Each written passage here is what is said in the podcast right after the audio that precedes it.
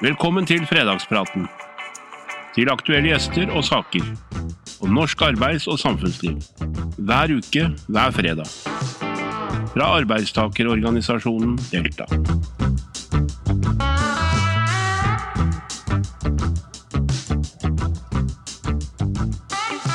Hei og velkommen til en eh, ny fredagsprat. Denne uka så har for de fleste startet eh, skoleferien, og vi er etter hvert inne i sommerferien. Men eh, mange av Deltas medlemmer har jo ikke sommerferie. Vi er jo til for eh, samfunn og tjenester og for mennesker 24-7. Og i dag så har vi fått eh, Tormod Lystrup, som er leder for eh, kirkeansatte i Delta som organiserer mange yrkesgrupper innenfor kirken, som er en viktig institusjon og en viktig del av eh, Norge, og som ikke har sommerferie. For det skjer alltid noe som nødvendiggjør kirkens eh, tilstedeværelse. Velkommen skal du være, Tormod. Takk for det, Knut Jøger. Veldig hyggelig å bli invitert. Altså, eh, kirkeansatte er jo en ganske bred definisjon. Kan du fortelle litt hvem som er medlemmer hos deg? Jeg hadde lyst til å si rubbel og bit i kirka. Ja. Kirka er jo ikke noe ensarta system. Altså, det er jo ikke en, et yrke eh, altså Har man et yrke, så er det ikke en, en spesifikk utdannelse som ligger bak. Og vi eh, organiserer de fleste yrkesgruppene i kirka, om ikke alle. Så eh, altså, tyngdepunktet av medlemmene våre er nok blant de som jeg pleier å si er litt lavt nede i den kirkelige næringskjeden kirketjenere, folk på kirkegårdene, Mm. gravplasser, Mm. og kontoransatte, som da ikke syns så veldig godt i, når man tenker kirke og, og, den type virksomhet. Da. Mm. Mm. Men vi har alle grupper. Vi har kirkeverger, vi har kantorer, vi har kateketer, vi har diakoner, vi har klokkere. Og vi har byggforvaltere, og vi har eh, folk som jobber på krematorier Mm. og kirkegårdsdriften. da. Veldig mange av krematoriene her i landet drives av eh, Den norske kirke på Mm. vegne av samfunnet. Det er ganske fascinerende å høre, fordi jeg, har sagt noen ganger at Delta er en arbeidstakerorganisasjon som organiserer livet fra, fra vugge til grav. Fordi vi organiserer jo barnepleiere som tar imot barn Mm. på fødeklinikken. Og vi organiserer folk i, på kirkegården som eh, hva skal vi si, avleverer siste, siste reise. Vi er også med hele veien der, ja. Ja. Ja. Eh, Hvor mange medlemmer har du? Eh, Vi har rundt eh, 640 medlemmer nå. Litt synkende medlemstall, og det skyldes nok at eh, Du vet det gamle ordtaket når eh, krybben er tom, så, så Bites bites hestene? hestene, heter det.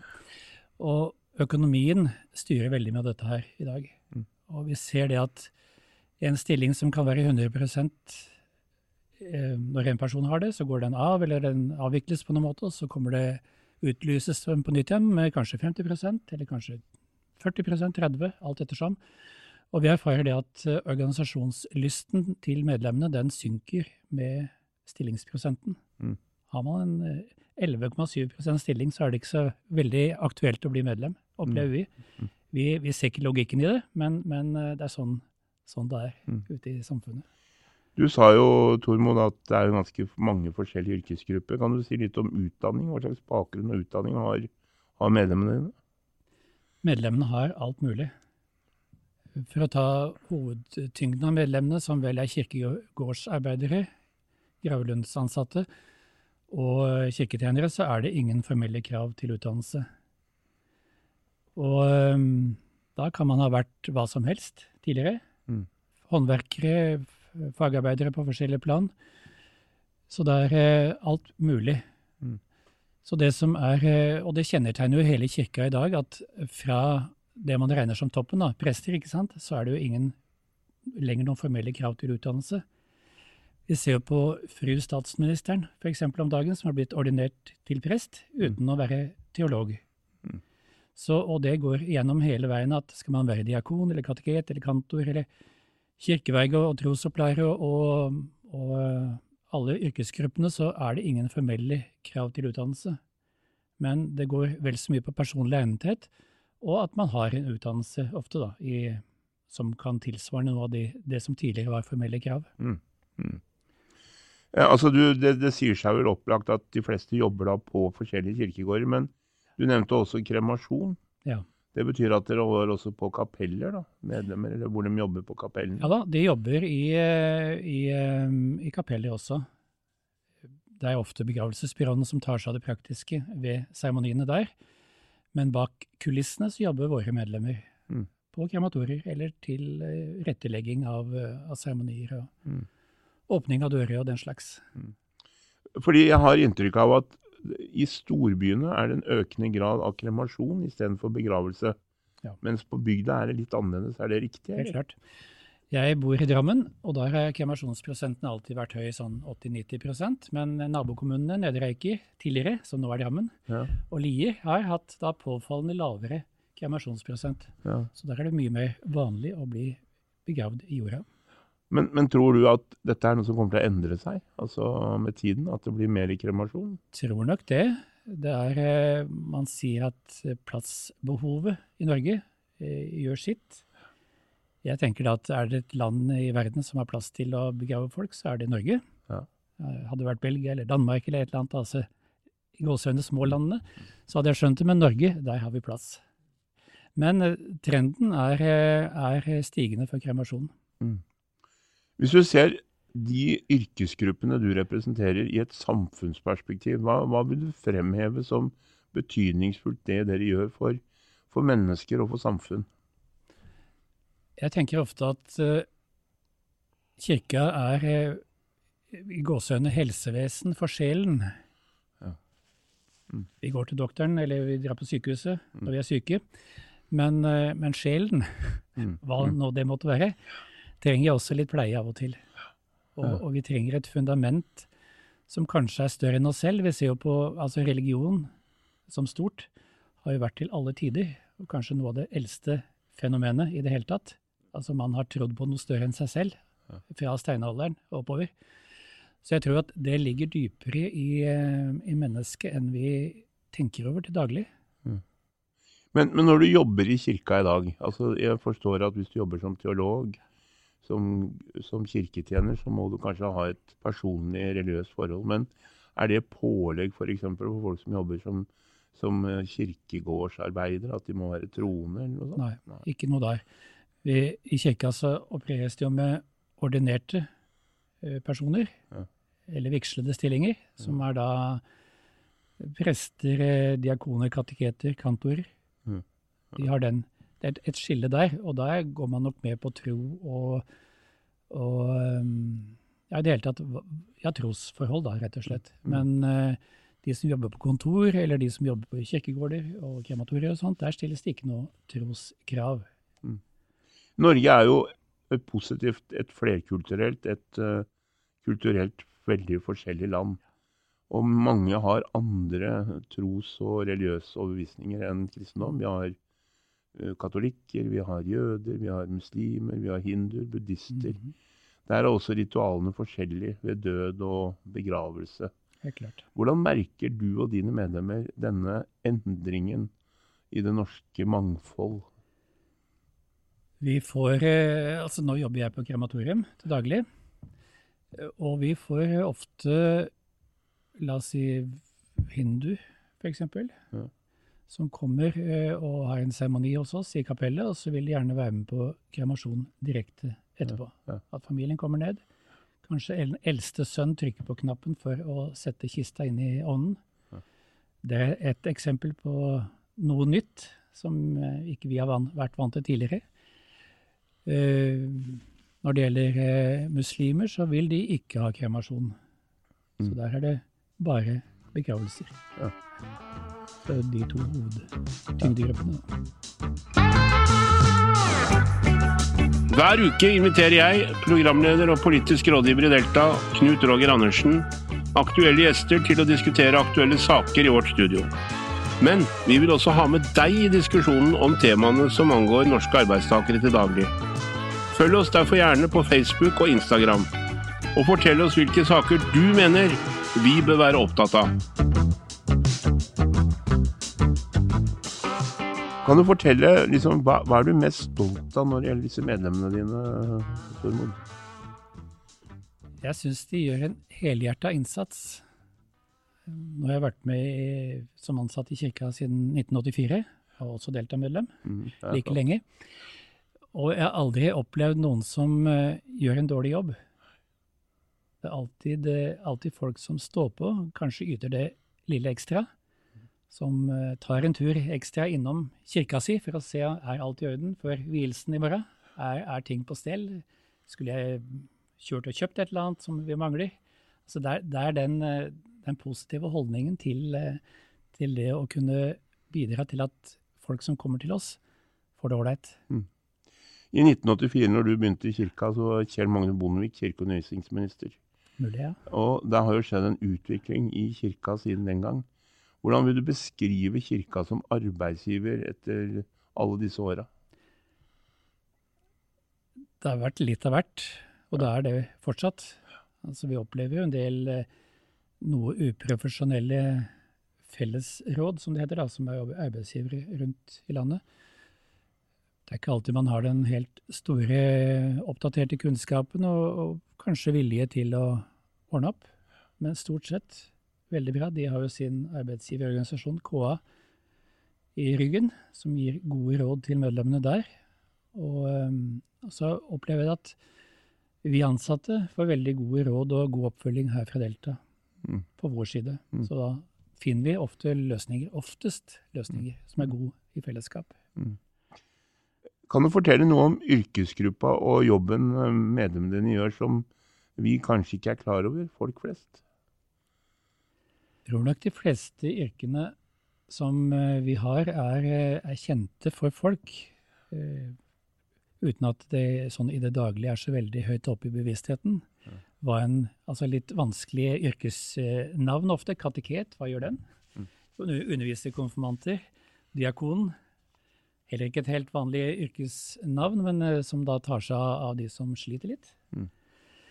Og, En form eh, for sosialarbeider? ja, en slags sosialarbeider. En, en tidlig form for det, som er fortsatt inne i, i systemet vårt i dag. Tidligere var det også en del menighetssøstre, som du ble kalt, som nå er gjerne gått over til kommunal hjemmesykepleie. Så det diakonale og undervisningsmessig har jo alltid stått tungt. Altså skole og kirke har jo i mange hundre år bakover i tid stått sammen, og var jo tidlig ute med undervisning i fellesskap. Og så har det mer blitt skilt ut etter hvert. Så jeg tror det at eh, kirka som, som kirke, altså vi, vi er vel kanskje Norges muligens eldste virksomhet. 1537 er, eh, regner man som eh, opprettelsen av Den norske kirke. Så vi har hele tiden vært der for folk, i hundrevis av år tilbake i tid. Positivt, negativt, i noens mening muligens. Men vi har alltid vært der. Og eh, sånn som eh, Nå snakker jeg meg kanskje litt grann bort, Nei da, men men jeg tenker da at eh, Grunnloven kom jo eh, 17. mai i eh, 1814. Og 198 år etterpå, eh, 21. mai i, i 2012, ble Grunnloven endra. Altså i 1814, da sa man at det skulle være statskirke, det skulle være den evangelisk-lutherske religion som skulle forbli statens offentlige religion. Og i 2012 så står fortsatt kirka på, i paragraf 2 i Grunnloven. Først snakker man litt om at Norge er et eh, fritt, selvstendig, udelelig, uavhengig rike og alt dette her. Kongedømme og eller monarkiet. Og i, i paragraf 2, rett etterpå, kommer det at, eh, at verdigrunnlaget for nasjonen forblir vår kristne og humanistiske arv. Så samfunnet har hele tiden eh, satt dette vi jobber med, veldig høyt. Og kanskje ikke det er så veldig mm, høyt oppe i folks bevissthet i dag, det vi holder på med, men, men vi er der for folk. Og vi, eh, vi, eh, vi stiller opp, føler jeg, når folk trenger oss. Fordi nå, Vi har jo snakka her mange ganger i fredagspraten om at Norge er inne i et sånt endring. Altså, vi har et, et sykdoms- og befolkningspanorama, spesielt etter to år med pandemi, som har gjort at psykiske lidelser mm, er blitt den største folkesjukdommen i Norge. Det er mye som tyder på. Ja. Og kirka er jo for noen et alternativ for mellommenneskelig forståelse. Merker du og dine medlemmer den endringen i panorama for sykdommer i Norge? Jeg har ikke fått så mye tilbakemelding fra medlemmene på akkurat det, men jeg vet at, eh, at eh, det er veldig mange av, eh, av kirkas medarbeidere, kanskje ikke primært våre store medlemsgrupper som, som er der, men, men at de, de, de, er der for folk. Mm. Altså, de er tilgjengelige. De er, er ofte den praten som, om hverdagslige forhold som er viktig. Mm. Folk som kommer på kirkegården, f.eks. Mm og som, eh, som, trenger noen å prate med, noen å utveksle tanker og meninger om. Mm. Mm. Som vi ofte hører at medlemmene sier at de har hatt mange gode samtaler. Ofte mm. det mest givende med jobben er, er, de samtalene man har ute med folk. Og vi har jo ofte, ofte litt lavere, altså Terskelen inn for en kirkegårdsarbeider er ofte lavere for mm. i gåsehudene mannen i gata mm. enn det å gå til presten med skriftemål eller hva det måtte være. Mm. Så er det å kunne prate med noen i øyeblikket mm. veldig verdifullt. Flott å høre. Fins det noen myter om yrkesgruppene dine som du har lyst til å avklare, avløse, avsløre? Fortelle at det ikke er riktig? Jeg tror vel de mytene som er, det har vi vel kanskje lagd sjøl. Kirka har jo blitt sett på som en sånn eh, som dilter etter i eh, kanskje moralske spørsmål. Det er ikke mange dagene siden jeg så en eh, revyvis med Kari Diesen fra 1948 på NRK. Uh, Jacobsen het han. Om ei jente som var kommet i det man kalte julekka den gangen, og møtte en veldig steil prest ved døpefonten. Full av fordømmelse. Full av, eh, av, av holdninger med at dette burde du ikke rota deg borti. Så vi har nok lagd en del hindringer opp igjennom. Jeg tror det at dagens kirke er mye mer åpen, tolerant, og møter forhåpentligvis folk mye mer i, der de er, enn med fordømmelse og med Det er jo kanskje på tide, strenge, for ja, absolutt. historien er veldig spesiell. Ja. Har du lyst, er det, er det, en, er det en, episode eller en, et, et, høydepunkt, en, en opplevelse som har gjort et uslettelig inntrykk på deg siden alle disse åra i kirka, siden du er tilbake i 1984, som du har lyst til å dele? Altså Enten noe morsomt eller noe veldig spesielt. Det er ikke så lett å ta det helt på strak arm, men uh... Det som uh, detter ned i huet på meg Knut Roger, akkurat nå, det er uh, Tore Tønnes bisettelse. Ja. Han var jo statsråd og ble veldig hardt kjørt av media, blant annet. Mm. Og valgte å ta livet sitt. Han var næringsminister i Jens Stoltenbergs første regjering. og du valgte å ta livet sitt ja. uh, i romjula, tror jeg. Eller? Noe sånt, ja. Og det var en svær uh, bisettelse i Bragnes kirke med alle viktige ja. personer i samfunnet. Jeg var til stede der som på jobb. Mm. Og, og, den uh, Altså, det var en tragisk hendelse på alle måter. Ja. Men jeg opplevde at vi som kirke klarte å være til stede i sorgen og gi eh, både han og hans familie mm. og, og, samfunnet en, en, eh, en, god avslutning på en veldig, veldig vond hendelse. Mm. Det opplevde jeg som meningsfylt, og det var eh, ingen, Det var klart det var en spesiell hendelse, men for familien så var det jo bare at de hadde mista en kjær, ja. kjær person i familien, som tusenvis andre gjør hvert år. Ja. Men eh, det hadde jo et mye større offentlig fokus, og jeg følte at, eh, at vårt bidrag der, det, det, var kanskje lite, men viktig for både familien og nasjonen. Ja, ja. Det er viktig å ta og håndtere selvmord ja. på en rett måte. For det er ingen oppskrift fra selvmord til selvmord. Det er liksom så forskjellige individuelle bakgrunner. Og, og Hvis vi ser litt framover, eh, Tormod. altså hvor tror du at dine ansatte og arbeidsplassen din er om fem år? Ti år? Jeg tror ikke forskjellene er så veldig store. Jeg tror at uh, mennesker vil fortsatt være mennesker om fire, fem eller ti år. Uh, du og jeg uh, blir litt eldre, etter hvert. Men vi er Ikke så mye, da. Ikke så, Ikke mye, så veldig mye. Selv om jeg er nå litt forkjøla og litt sånn snufsete, så er det bare forbigående. Ikke jeg. Ja. Så er vi fortsatt mennesker, Ja. og, vi har de samme behovene som vi hadde Jeg nevnte steinalderen tidligere. Jeg tror da at menneskene eh, som mennesker er veldig like. Mm. Innpakningen rundt oss skifter, Mm. men menneskene er de samme, tror jeg. Ja. Og eh, jeg tror de samme behovene vil være der også om 5, 10, 20, 100 år. Mm. Men, men, men ser du Altså, noe jeg, jeg har blitt kjent med er, i det siste, er at øh, et, eller flere og flere ønsker ikke graver. Altså, det er et ubestridelig faktum at vi som mennesker alle skal dø. Det er, på en, det er ingen som har overlevd evig ennå, så alle skal dø. Men det er økende grad av mennesker som ikke vil ha graver, men som latt seg kremere og spre asken over hav og fjell osv. Er det en trend som du tror kommer til å være vedvare og Helt utvikle? klart. Ja, helt klart. Og vi eh, opplever også veldig mange, i tillegg til det du sier der, veldig mange som vil ha, ha anonyme gravsteder. Helt anonyme. Mm. Eller noen vil da ha et lite skilt med navnet. Ja. Fødselsdato, dødsdato. Ja. På en, en plass hvor Minne- eh, minne- En minnelund. Såkalt navne- og minnelund. Så det er veldig vanlig i dag.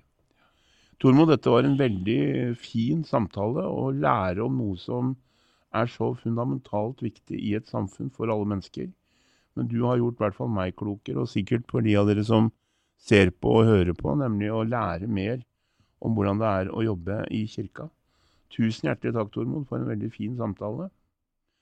I dag er det sankthansaften, dere, og ønsker alle en fin midtsommerhelg. Vi er tilbake i neste uke, eh, og da får vi en representant fra regjeringen. Vi ses neste fredag. God sankthans, og takk for i dag. Takk for at du lyttet til Fredagspraten. Hvis du har lyst til å vite mer om Delta, så kan du besøke vår hjemmeside www.delta.no, eller også finne oss på sosiale medier. Du finner lenken i episodebeskrivelsen. God fredag og god helg!